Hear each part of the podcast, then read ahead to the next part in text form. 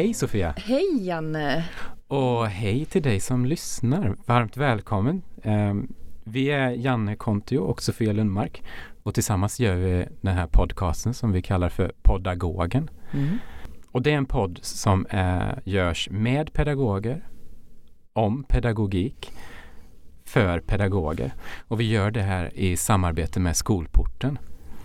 Um, och vi gör det för att vi vill sprida färska forskningsresultat som har med pedagogik att göra. Eller något närliggande forskningsområde. Just det, så vi är inte begränsade till just pedagogikforskning? Det är vi inte. Nej. Och målet med podden är att utgöra någon slags brygga mellan eh, akademin och eh, de verksamma pedagogerna. Och vi kommer att försöka göra så gott vi kan för att eh, hitta den här bredden. För mm. en pedagog kan ju vara så väldigt mycket. Mm. och då tänker jag att vi, vi försöker hitta eh, ämnen att prata om som täcker in så stor del som möjligt utav det här med pedagogikämnet. och en annan förhoppning är förstås att vi ska försöka hitta samtalsämnen och forskning som kommer från olika delar av landet också. Och hur väljer vi våra samtalsämnen Sofia? Ja, alltså vi försöker ju välja ut eh, sånt som vi tror att många pedagoger skulle behöva veta mer om och eh, att vi försöker att hitta forskning där, eh, eller att vi försöker hitta in forskare som har skrivit avhandlingar ganska nyss. Så att det är färsk forskning och eh, aktuella ämnen som vi tar upp. Sen så tänker vi väl också att vi försöker hitta en spridning över landet så att det inte bara blir Stockholmsregionen som blir representerad utan att vi också försöker hitta forskare runt om i landet och eh, inom olika ämnesdiscipliner. Så det är inte bara pedagogikämnet utan vi kommer också prata med forskare som har skrivit avhandlingar i didaktik eller i teknikvetenskap eller i eh, ja, olika, olika ämnesområden helt mm. enkelt. Och nu har vi sagt färsk forskning tre gånger ja, tror jag. Gjort. Och jag tänk, ja, men jag tänker att det är ett ledord för oss, eller ja. hur? Och vi har också sagt avhandling flera gånger. Just det. Och varför är vi så intresserade av avhandlingar just Sofia? Ja men för att jag tänker att eh, avhandlingar är ju färsk forskning ofta mm. eftersom att det är aktuellt. Sen är det också så att många forskare när man börjar med sin, i sin akademiska karriär så skriver man ofta en avhandling mm. och eh, då ägnar man mycket tid för att eh, göra djupgående forskning och att verkligen ta reda på mycket intressant inom ett specifikt område eller gällande en specifik fråga. Mm. Och det gör ju också att de, här de som har skrivit avhandlingar har ju oftast gedigen kunskap om det som vi tänker att vi vill prata om. Ja, just det. Eller det som vi vill ta upp. Ja. Och någonting som vi har upptäckt också, vi har ju själva skrivit eh, avhandlingar i pedagogik, både du och jag. Ja. Eh, och det är ju att vi hade kanske hoppats att vårt universitet då som har anställt oss för, för att skriva den här avhandlingen på fyra år eller hur lång tid det nu kan tänkas ta eh, att vi kanske skulle fått lite mer spridning mm. av våra forskningsresultat. Mm. Det hade vi hoppats. Eller att det fanns någon som kunde liksom hjälpa till att plocka upp det här och sätta lite ljus på det helt enkelt. Där kommer ju skolporten in som en sån aktör som mm. vi har verkligen spanat in så. Eller ja. som vi eh, verkligen har sett som extremt viktiga för att just sprida ens avhandling. Ja. I och med att eh, skolporten alltid gör intervjuer som eh, med forskare som eh, har skrivit avhandlingar och försöker hitta just det här, vad är de viktiga delarna i avhandlingen. Mm. Men också att eh, till exempel att eh, skolporten har ju en panel som väljer ut de viktigaste avhandlingarna eller några centrala avhandlingar som man skriver om i eh, Skolportens tidning till exempel. Ja, som ett glansigt magasin som är nominerat till fina priser. Verkligen. Ja, jättekul. Skolporten, vi är väldigt glada att vi har Skolporten som vår samarbetspartner i det här. Absolut. De gör ju ett viktigt arbete för att sprida just den här färska forskningen mm. eh, i, i alla deras kanaler och så. Um, om vi då ska hoppa in i dagens ämne. Ja, det tycker jag. Ja, verkligen. Och dagens ämne, och jag tänker att vad, jag kan inte undgå att se att du har en bebis ja, med dig idag. Ja, det har jag. Gratulerar! Tack! Och dagens ämne är ju just de här små barnen. Just det. Eh, och och vad, vad har vi tänkt att prata om då? Jo men vi, det som är dagens ämne det handlar om små barns vila. Och jag tänker att det är ganska intressant att vi just idag ska prata om det för att eh, jag har med mig min bebis och den kommer att vara med lite när vi spelar in de här poddarna tror jag. Eh, som just nu är fem månader. Och eh, när vi skulle börja spela in här nu så tänkte jag att ja, men det är jättebra om hon sover. Ja. Så, jag försökte, så vi gick i korridoren och bara försökte säga sov, sov, sov. Ja. Nej, men det gjorde hon inte så hon sitter här ute nu och sover inte. Just Hon är det. inte så bra på att vila helt enkelt. Nej, Nej, och inte när man vill att hon ska vila och det kanske är så som det är med små barn ganska ofta, tänker jag. just det. Och det, det är väldigt spännande det här med små barn och deras vila och särskilt när vi kommer då in i förskolans värld. För där ska ju de här små minsta barnen vila och inte en liten Nej. stund heller. En väldigt lång stund. Ja, Jag tänker att den avhandling som vi ska rikta ljuset på i det här avsnittet den eh, tydliggör också eller skriver fram verkligen att eh, vilan på förskolan är så himla viktig. Det är en fjärdedel av små barns dag på förskolan. ja de allra minsta barnen. Och de allra min- Mm. ja. Och eh, att den kan också vara upp till två och en halv timme utav verksamheten under dagen. Vilket ju verkligen visar på att det här är en central del av småbarns vardagsliv. Mhm. Och det här är ju ett mörkt rum som i dubbel bemärkelse. Dels är det ju förstås ett mörkt rum eftersom barnen ska vila. Men det är också ett mörkt rum i, i sån här överförd betydelse att vi vet ju väldigt lite om vad som försiggår inne i det här rummet. Ja, verkligen. Eh, jag vet lite mer. Jag, jag kommer att tänka på det här nu. Ja, Jag har, jag har en jättelöjlig anekdot. Vi kanske får klippa bort det här. Men jag, jag eh, om när vi hade vårt, eh, vårt första barn i Göteborg på förskola. Och jag hade ett arbete då som gjorde att jag kom ifrån kanske redan vid 12, halv ett. Och då låg ju mitt barn och vilade på förskolan. Ja, Eh, och då sa alltid pedagogerna, ja, eh, ert barn vilar här inne, du kan väl smyga in och försöka väcka henne. nej vad spännande. Ja, och då, då smyger man in i ett rum med 20 snarkande ungar. Mm. Och finns det någonting som är lika sövande som 20 snarkande ungar? Så jag la ju mig bredvid min dotter och tänkte, ja, men jag bara liksom baggar henne lite så kanske hon vaknar. Men det slutade nio gånger av tio med att jag somnade. Och sen halv tre så kommer pedagogerna in och säger Jaha, nu är det dags för alla barn och pappor att gå upp. Men alltså, jag måste bara tillägga en sak till den här anekdoten. Det är ju också det att eh, Janne är ju då en person som också kan somna lite överallt. Så. Jag har inga Eller problem. hur? Nej, precis. Jag har väldigt lätt för att somna. Samtidigt tänker jag att det, det blir också aktuellt det här att 20 barn som ligger och snarkar. Att Mm. hur, hur sjutton gör man det? För att jag tänker att Åh, ja, vi, får hade ju inte ett barn upp- att sova här. Precis, ett barn. Men att få 20 stycken att sova samtidigt. Det Ja. är ju vilken, vilket arbete. Eller hur? Mm. Och hur går det här till då?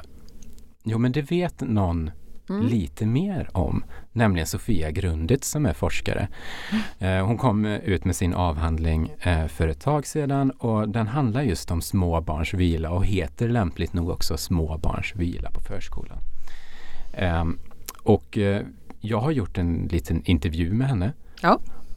Och jag tänker att vi kanske skulle ta och lyssna på den. Det tycker jag verkligen. Så att vi kan lära oss lite mer. Mm. Så varsågod och lyssna tillsammans med oss. Hej och välkommen! Tack. Kul att du ville ställa upp på det Ja, här. jätte, det ska bli jättetrevligt att få prata om. Ja, vad roligt. Ehm, hur kom det sig att du blev intresserad av det här ämnet? Ja, jag har varit intresserad av förskolan väldigt länge. Jag har en grundutbildning som förskollärare. Jag är obotligt nyfiken och har, var under många år på väg tillbaka in i universitetsvärlden. Och det dök upp ett, en forskarskola 2010 som riktade sig till förskollärare. Den hade ett väldigt långt namn som aldrig någon kommer ihåg vad den heter. Vill man absolut veta det så står det i avhandlingen. Men, och den sökte jag och blev antagen på. Och den hade väl egentligen huvudinriktning språk, matematiserande och barn till globaliserade världar. Just det. Och jag visste, och det som jag blev antagen på, att jag var intresserad av de allra yngsta barnen i förskolan. Ja. Och eh, började ett etnografiskt fältarbete utifrån eh, att eh, frågorna kunde vara empiridrivna. Alltså vad det skulle handla om kunde visa sig när jag började på analysen. Mm. Och när jag var ute i förskolan så visade det sig då att det här med vilan var ur forskningshänseende väldigt spännande. Vad händer, hur görs det, vad är det för någonting? Och också lite av en situation som ingen, alla vet att barn vilar. Men ingen pratar särskilt mycket om vad har det mer för betydelse än att de behöver få sömn. Just det. Och var det här ett intresse som du hade redan som förskolepedagog? Nej. Eh, som du hade fått upp för ögonen för? Som förskolepedagog, eh, så, eller som ingång i det, vad, vad händer i de här när barn gör saker för sig själv utan mig, alltså det här som händer bakom ryggen på mig som pedagog. Mm. Där var ingången som förskollärare. Och som forskare då kunde jag så att säga följa det som händer bakom ryggen för jag behövde ju inte lägga mig i. Ja, just det. Och eftersom den här avhandlingen består av två delstudier så var det så byggde, när jag skulle lägga ihop den till, två, till en doktorsavhandling så behövde jag hitta en studie som kunde utveckla ämnet och fördjupa det första som jag hade skrivit. Och då var fördjupningen att gå mot att hur kan man utveckla visuell metodologi och visuella material och vad finns det för historiska material? Just det, och det var egentligen min följdfråga här. Om vi går till din titel, hur skulle du... För den eh, avspeglar ju att studien består av två delar. Mm. Hur skulle du förklara de här två delarna utifrån din titel? Alltså titeln Vilan i förskolan 2010 till 2013 den kan man läsa som att rent historiskt och innehållet vad vilan är så får du i den här boken veta någonting om hur vila har gjorts från cirka 1910 fram till 2013 med ett litet hopp att det inte handlar så mycket om 80 och 90-talet utan egentligen till 70-talet och sen 2013. Mm.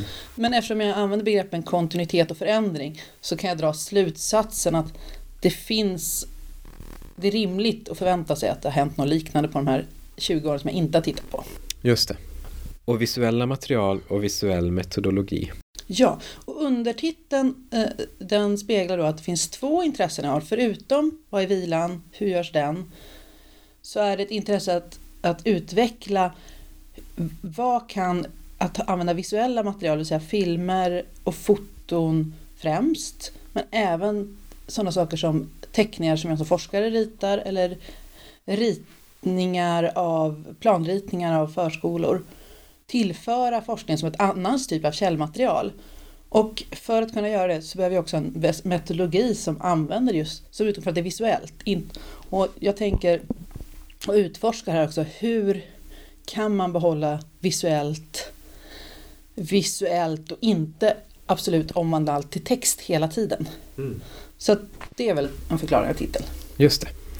Och om du då skulle börja i din första delstudie här, mm. där du har filmat barn som ska vila på förskolan. Mm. Var det svårt att bli accepterad som vuxen med en kamera i sovrummet? Eh, nej, det var alldeles väldigt enkelt. Ja. Eh, det var, nej, det var inget, inget, inget som helst problem. Eh, det, när man är forskare ute i, på ett sånt etnografiskt fältarbete så blir man ju och målet som jag skriver också var att vara någon annan än en pedagog.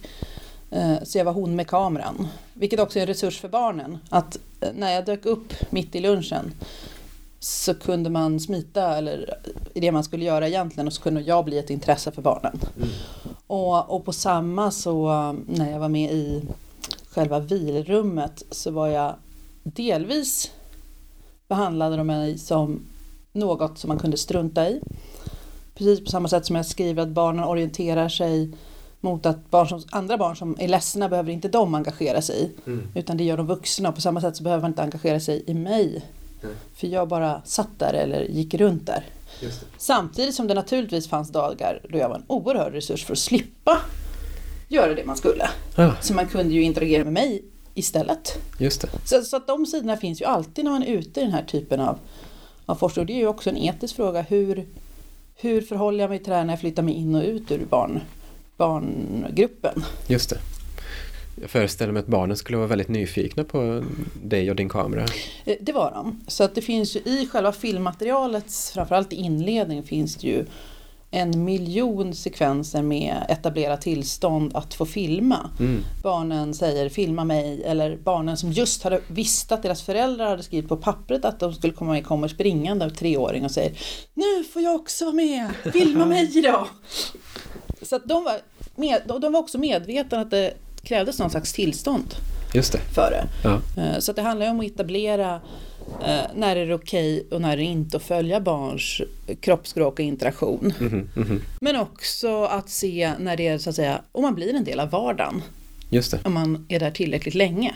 Ja. Så det är också det normala och där gäller det också att vara för, försiktig sen när man när man väljer vilka episoder ska jag analysera nära för att inte hänga ut någon, varken barn eller vuxen på ett sätt som är inte etiskt okej. Mm. De vuxna i rummet, var det svårt att etablera en acceptans? Nej, de var För förvånansvärt bekväma. Ja.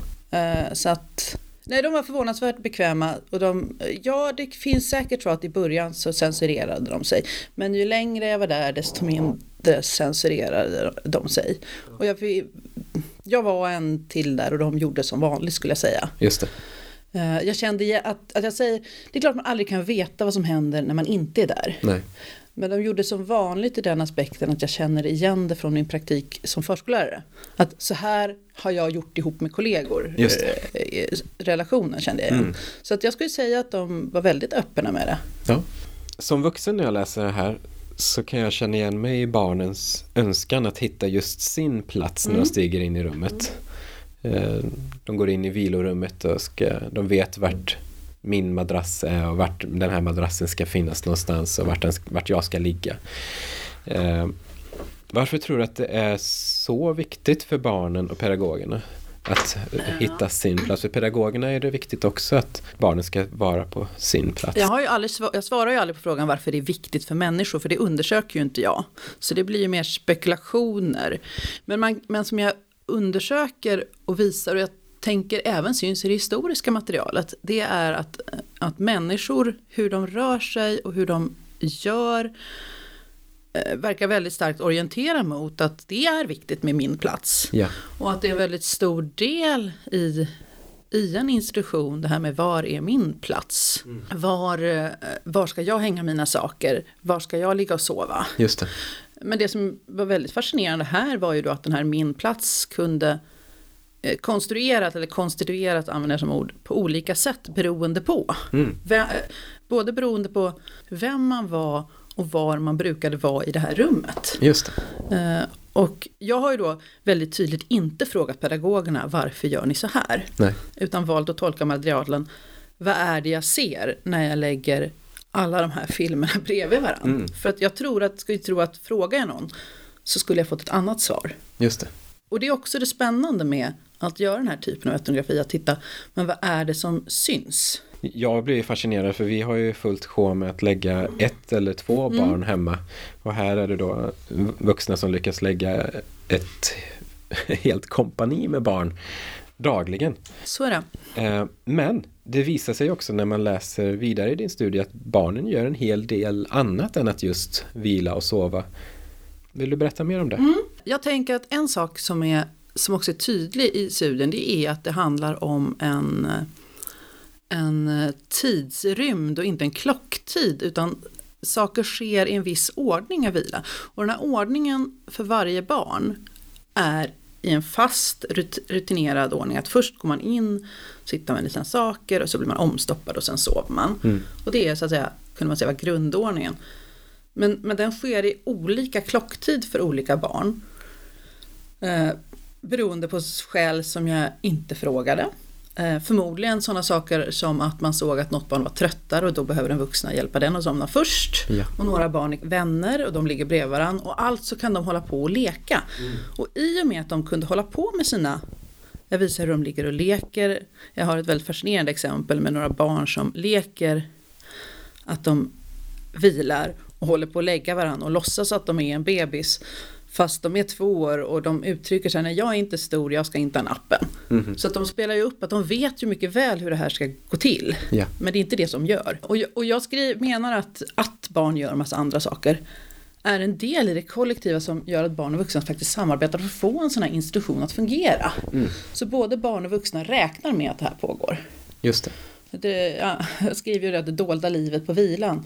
Precis som många forskare visat tidigare om vuxna i institutionen att det finns det här dolda livet som tack vare att man håller på med alla de här sakerna så funkar i institutionen. Trots att det kanske egentligen är lite förbjudna saker. Just det. man håller på med. Hur var det sen då? För den här avhandlingen består ju av ett par delar, Mm. ett par tre delar. Hur, hur var det då att röra sig från dagens barn som du studerar i den första delen till att börja rota i arkiv och titta på hur barn har vilat i historien? Det var, alltså som forskare var det väldigt roligt. Att omfamna arkivforskningen och leta efter det är en oerhört, det är en helt annan typ av forskning. Ja.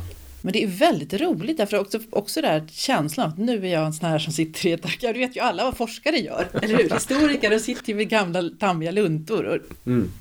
och att upptäcka att det inte alltid ser ut som man tror i de här luntorna eller vad man ska säga. Mm. Eh, Jag hade, när jag sökte då doktorandtjänsten som, som gjorde att jag satte ihop det här, då hade den en inriktning mot visualitet. Ja. Alltså det, det var inskrivet i tjänsten så då var jag tvungen att fundera på hur kan jag få det här att fungera och då gjorde jag en liten pilot för att se, finns det några bildmaterial på det? Mm. Och upptäckte att det fanns det ju, att det här är något man kan gå vidare med. Och det var väldigt roligt att prova och, och, och fundera på hur kan jag då med de här en form av etnografiska verktyg, att, att behandla arkiven som etnografi, att följa från fynd till fynd. Eh, istället för att gå igenom allt så hittade man någonting och så letade man vidare med den utifrån sin historiska kunskap och sin etnografiska kunskap. Mm. Det var väldigt roligt. Jag har jobbat mycket med ifrån filmarkiv som finns på Kungliga biblioteket. Och man får ju se enormt mycket annat. Som inte har med saken att göra. Och det gör ju också en kunskap till att, som en kontext till att förstå hur har man filmat det här? Mm. Vad är det man brukar visa upp? Hur ska jag kunna tolka en kontextualisering som gör att man kan tolka det, apropå det här med visuell metodologi, att, att få en känsla för vad är det för hur har det filmat? Vad är det för sorts material helt enkelt? Att man måste förstå det också för att kunna. eh, För att det är naturligtvis mycket av det är ju inte autentiskt på det sättet som mitt eget material är. Men även om det inte är autentiskt så finns det ju så att säga autentiska förskolemänniskor, autentiska förskolebarn, autentiska förskolemiljöer som går att förstå ändå. Just det. Trots att man mycket väl i en del av klippen kan se att det här är inspelat. Ja. För att vi vill att ni ska spela upp det här. Och då å andra sidan, när någon spelar upp någonting så som man föreställer sig att någonting ska gå till, då får man ju veta deras tankar om att så här är det man gör när man vilar. Så på sätt och vis så får jag ju veta då tidens idé om vilandet, eller barnets idé om vilandet, för de har ju spelat upp det. Just det. Och det diskuterar, och det, det diskuterar jag mycket i metodologin här just, hur kan man använda det här och hur kan man förstå det utan att övertolka det? Och, och förstå realismen och förstå sanning och sanning så att säga. Mhm. Och är det skillnad på hur barn vilade förr och hur barn vilar idag? Nej, de gör likadant. Mm. De, säga. de blundar och sover? De blundar och sover och de låtsas att de sover och de spelar upp att de sover. Och, och, och även i de här inspelade så kan man se att de har en idé och man kan se att barnen också där väldigt mycket intresserar sig för vad gör de andra runt omkring mig. Mm. Jag är redan omstoppad men Ja. jag ligger inte kvar här trots att jag vet att det är filminspelning. Mhm. Det måste varit jättespeciellt men i filminspelning 1914. Mhm. Men trots att jag som barn 1914 vet att det här är en filminspelning så reser jag mig i alla fall upp och tittar på vad de andra runt omkring mig håller på Ja. med. ja, Och det är ju faktiskt väldigt likt just det. som barnen idag gjorde som om det hände något väldigt spännande på någon annan del av rummet. Mm. Då blev ju det en resurs som en liten föreställning att titta på medan jag väntar på min tur. Ja, Och jag tänker att det är ju en likhet hur människor gör.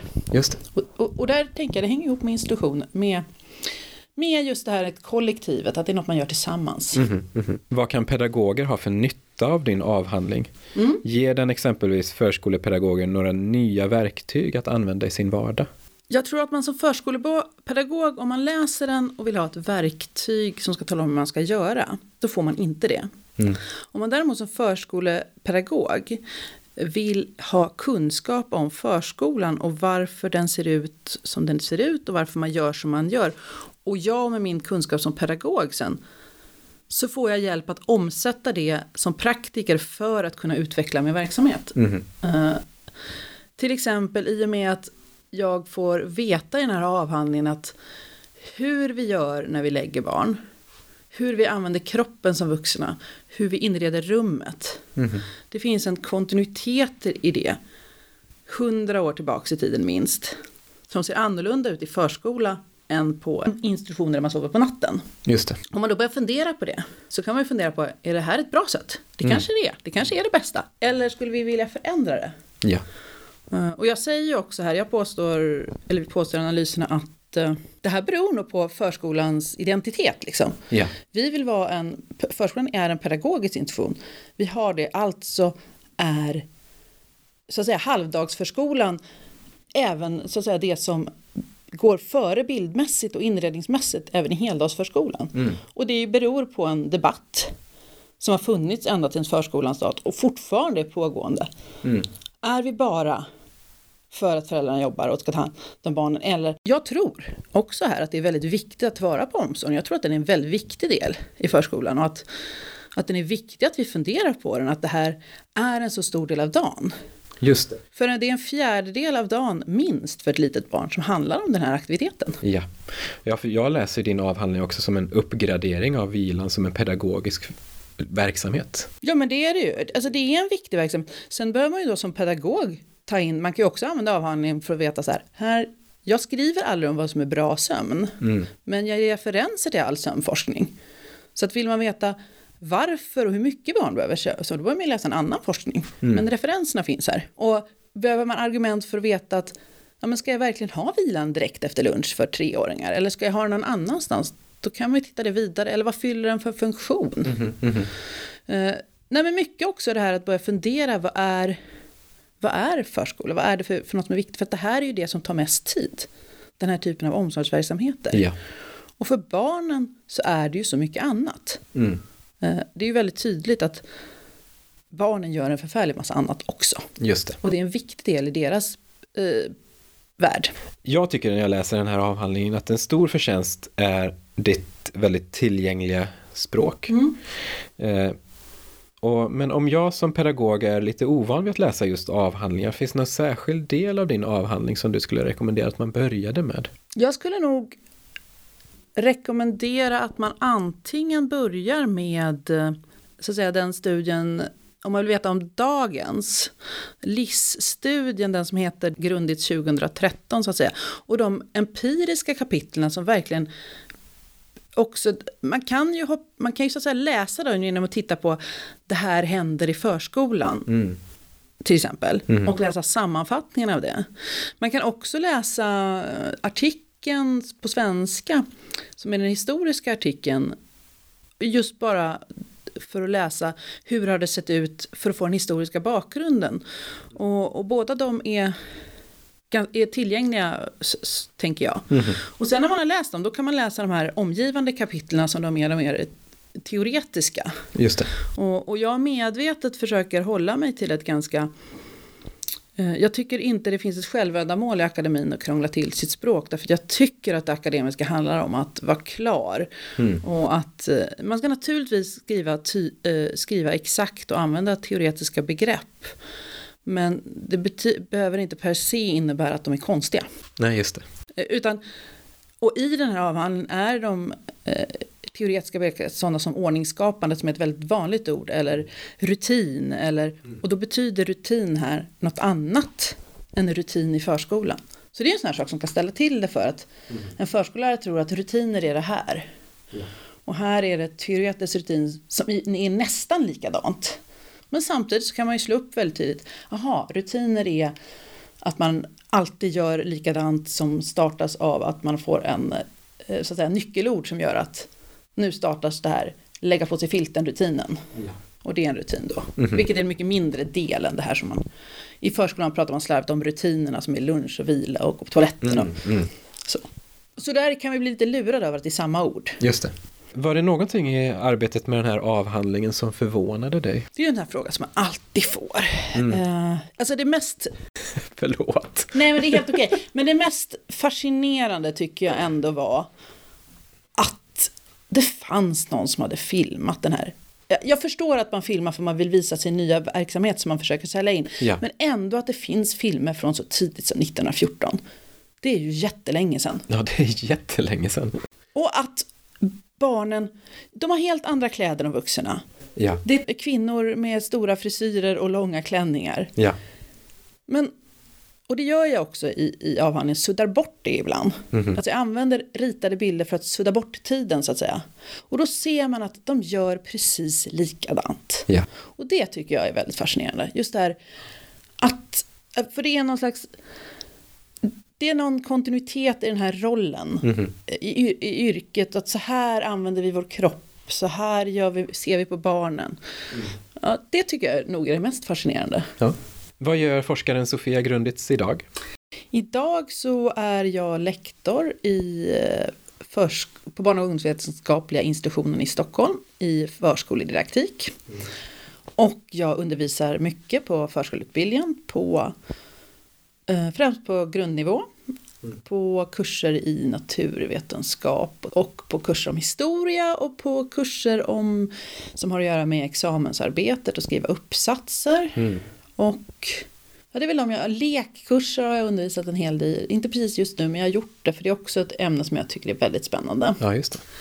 Och sen funderar jag på vad jag ska göra mer för forskning, om den ska vara mer historisk eller mer eh, etnografiskt nutida. Och jag har väl eh, spår åt båda hållen som jag håller på att jobba med men de är lite diffusa fortfarande. Vad är det som lockar mest? Eh, allt. Jag, men jag tycker båda är lika roligt nästan. Ja. Eh, så att, och det tycker jag är jag tycker, och jag tycker det här att lägga ihop olika saker Ja. var väldigt roligt. Och jag skriver i avhandlingen också att man skulle i, i framtiden just kunna använda det här att plocka fram bildmaterial från förskola för att se ja, men vad är det för visuellt vi har visat. Ja. Vad var det för något i läroböckerna för 20 år sedan och hur såg de ut för 40 år sedan och jämför. Det vore ju hur spännande som helst. Vad hittar du mer i de här arkivfilmerna? Ja, vad hittar jag mer? Det någonting spännande som- Rökande katter. Rökande katter. Till exempel var en stor bild. Eh, Nej, men det, det, det kan inte- det, kan, det kan du inte bara släppa, nu får du säga. Vad, vad var det? Nej men det var en sån här journalfilm, Den rökande katten.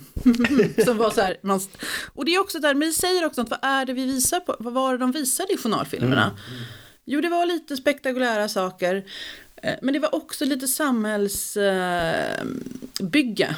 Just det. Eh, det var filmen om herrarna på, hus, på matlagningskurs. Ja. Det var filmen från den nya moderna förskolan. Så det, och det var lika gärna katastrofen med översvämningar någonstans. Ja, och de det. här kom efter varann. Ja. Så det har jag ju sett till exempel. ja. Men då kan vi se fram emot eh, nästa bok då, som handlar om rökande katter. Nej, det kommer den inte att handla om. Det kommer den inte att handla om. Det kommer, däremot har, har jag ihop med, med Anneli Lindgren, eller hon har skrivit en artikel som jag hjälpt till med. Som handlar om analys av hur barn tittar, hur man kan använda skriftliga mm, material om det visuella. Ja. Den kommer väl om ett, relativt snart, tror jag den ska komma, ja, kul. i en antologi. Ja. Just på bild där och idag så skulle man kunna göra, forska just på det här. För det är ju en, och det tänker jag, det kan förskollärare ha nytta av också. Ja. hur man använder bilder är en väldigt stor etisk fråga i förskolan idag. ja. GDPR och allt det där eller? Tänker? Ja, ja, fast inte så mycket GDPR som barns rättigheter. Ja. Eh, Och, och då har man ofta löst det genom att vi fotar inte barn utan vi fotar bara en massa händer och vi hugger av huvudet på dem och ryggar och så. Och det kan man verkligen fundera på, vad ger det för material både nu och i framtiden? Mm. För det ser man alltså väldigt tydligt i det historiska, att där är det inte fotat så, för det här är en genre som kommer för en tio år sedan. Och den är ju något att fundera på, för att är det verkligen barns, att ge barn röst och plats, att hugga av dem huvudena och bara visa händerna? Ja. Eller kan vi jobba på det på något annat sätt, just det här etiska, vad får vi visa upp och hur får vi tillstånd? Eh, Och det tänker jag, man kan läsa den här studien lite i sådana funderingar också. Ja. Så, eller, eller alla blurrade barn i nyheterna just nu. Ja, är det ja. verkligen schysstast mot barnet att blurra dem? ja, just det. För då ser de ju, jag menar så. så. Och det är en sån som, som jag tycker att den här studien också väcker. Absolut. Även om den inte handlar om det. Nej. Men den tangerar hela tiden de frågorna. Ja. Och det är något som verkligen rör förskolläraren. Så, det, så kan man också använda den apropå din fråga förut. Ja, just det. Att jag kan läsa den för att fundera i de här etiska frågorna kring bild. Ja. och, och kanske få ett annat svar än jag ska sudda ut barnet. Mm. Finns det någon avhandling som eh, du känner som har kommit under de senaste åren som du skulle vilja lyfta fram? Någon som du skulle vilja lyfta fram i ljuset och göra lite mer reklam för? Mm. Jag skulle vilja göra mer reklam för Anna Lindqvists avhandling Mm. om lite större barn. Hon, hon håller också på med videoetnografi, höll också på med videoetnografi. Den kom väl 2014 kanske? Ja. Eh, och just på de här mellanstora barnen med fritidshemsklubbsbarn. Just det. Och hur de gör när de använder olika sociala media och eh, träffas tillsammans över sina gemensamma intressen fotboll respektive hästar. Ja, just det. Eh, Och just för det är också den här vardagen barn gör tillsammans. Ja. Och den tycker jag har kommit bort alldeles för mycket. Ja. Och även eh, Sara Dahlgrens avhandling.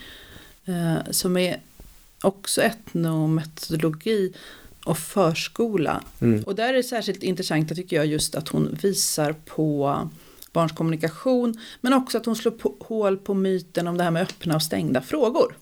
Aha. Det är inte det hon explicit håller på med i avhandlingen. För den, Nej. den heter något annat om måltider och barns kommunikation.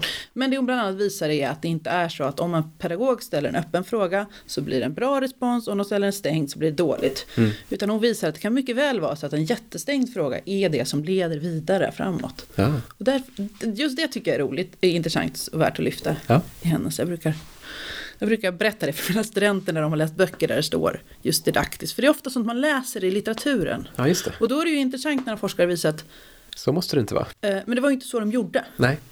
För det handlar just där om man tittar efter, vad gör människor? Då Mm. får man syn på andra saker. Mm. Det är de jag kommer på på rak arm. Så här. Ja. Vad ska du göra idag? Jag ska antingen så ska jag rätta tentor. Eller så ska jag försöka läsa in litteratur till kommande kurser.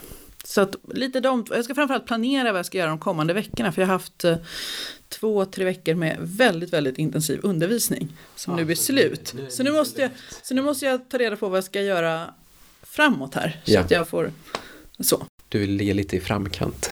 Nej, jag vill framförallt veta vad jag ska jobba ja, men För det är så, det, det, alltså, och det, det, så ser universitetsarbetet ut, att det är lite puckligt. Ja. Men man måste, men man måste också få det uppstyrt. Kalender är bra. Ja, verkligen. Så det är väl dagens plan. Det här var ju spännande Janne. Ja, eller Ja. hur? Ja, jag tycker att det var många saker som Sofia tog upp här som var superintressant. Bland annat tycker jag att hon verkligen visar på det här med att det här behovet av sömn och vila som är så himla tydligt i, i barns vardag men också att den här praktiken vad det faktiskt är. Ja. Att eh, det finns speciella rum, det finns speciella platser, det eh, finns specie- speciella material som är viktiga i det här. Det är ju jätteintressant Ja, verkligen. och väldigt användbart tänker jag. Ja, det tror jag också. Och det sätter också ljus på det här som vi pratade om innan, att det är ett mörkt rum som vi inte har haft något tillträde till tidigare. Men genom Sofia Grundits eh, videofilmer så har vi möjlighet att gå in och titta. Hur görs det Verkligen. här då? Hur hittar barnen sin plats? Och vad gör barnen mer än att bara vila? Ja, Det ver- verkar som att de gör så väldigt mycket mer. verkligen. Både förhandlar och tisslar och tasslar med varandra och gör lite protester mot att vila. Ja, att det är en stor en viktig del av social interaktion. Det tänker man ju inte utan man tänker att just vilan är väldigt lugn och stilla och det, Mm, men att det här är också någonting som är en väldigt aktiv aktivitet eller vad man ska säga. verkligen. Och, och pedagogerna gör ju ett stort arbete här inne i rummet. Verkligen. Dels med hur man då möblerar rummet och ser till att barnen hamnar på sina platser. Ja. Eh, men också det här med att man går runt och försöker få ordning, man, man lägger på filten och man bäddar in barnen och så här. Ja, och det här med plats tyckte jag var väldigt spännande. Mm. Att hur viktigt det är. Jag tänker också att det är viktigt för hela skolgången sen att just att man hittar sin plats. Ja, Att det, det här börjar det här med att hitta sin plats i skolans verksamhet, att man ska hitta sin plats på vilan. Ja, Sen ska man hitta sin plats i klassrummet och du har säkert fler och exempel. hänga upp kläderna på sin krok och sitta vid ma- samma plats vid matbordet och så vidare. Ja, Det är ju någonting som vi människor eh, hittar en trygghet i också, att hitta sin plats. Eller hur? Just det, Mm. verkligen. Jag tycker också tidsperspektivet är intressant i det som, som Sofia visar här. Jag Mm. tycker det är intressant att hon också har, har gjort den här som hon berättar om att, att det både är en studie i eh, där hon tittar på det väldigt nära genom Ja. att göra interaktionsstudier och har filmat de här situationerna men sen också titta på det utifrån ett historiskt perspektiv. Mm. Det är väldigt spännande det här också att sängarna har sett eh, ut på samma, eller att de ändå är så flyttbara och att det har påverkat också hur man faktiskt eh, möblerar rum på förskolan. Ja, just det. Och att de här bilderna och de här arkivmaterialen som hon har hittat, alltså det också visar någonting Mm. som gör ett avtryck för förskolan idag. Ja, men verkligen. Jag tror att, eh, ja men verkligen, och det här med att hitta sin plats och hitta och att sova i förskolans eh, praktik, det är ju ingenting nytt förstås. Nej. Utan det där kan man ju se också i de här äldre arkivfilmerna. Det Just tycker jag är jättespännande. Så Sofia Grundits avhandling den kommer att finnas på, eller vi kommer lägga ut länkar till den. Ja. Den heter Vilan i förskolan 1910 till 2013. Visuella material och visuell metodologi om man ska ta hela titeln. Mm. Och eh, vi kommer lägga en länk som sagt så att det går att hitta hitta den och komma åt den och det finns väldigt bra sammanfattningar och eh, den finns tillgänglig att ladda ner Ja, om det är så att man vill läsa vidare om Precis. det här. precis. Och vi vill slå ett slag för Skolportens hemsida där vi finns representerade med en egen eh, sida som man kan klicka in sig på. Där lägger vi förstås upp länkar. Men man kan också gå in på vårt Instagramkonto. Där heter vi Podagogen. Ja, Eh, och där hittar man också de avhandlingar som vi har avhandlat i den här eh, podcastserien.